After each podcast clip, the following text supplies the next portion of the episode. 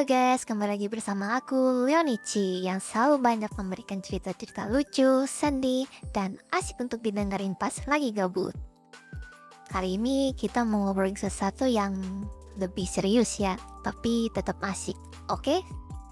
Jadi hari ini gue mau cerita tentang pengalaman gue soal LDRan sama pacar.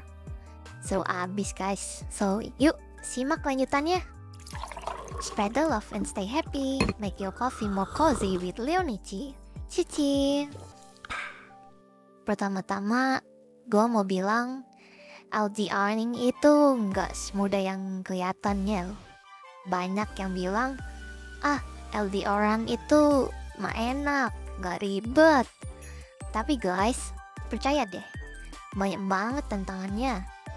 Misal nih ya, kayak komunikasi, karena jarak kita gak bisa ketemu langsung. Jadi semua komunikasi itu lewat chat atau video call.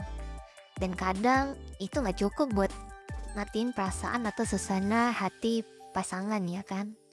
Gue pernah soal paham gara-gara chat yang ambigu. Dan itu bikin kita berantem selama beberapa hari loh. Belum lagi soal trust issue karena kita gak bisa monitor aktivitas pasangan 24 per 7 kadang muncul rasa curiga atau insecure. Gue sendiri pernah rasain itu dan itu gak enak banget guys.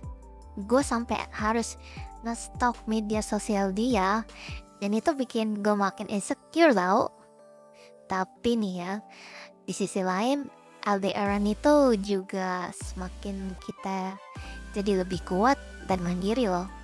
Kita jadi lebih bisa menghargai waktu dan momen saat kita bertemu dia.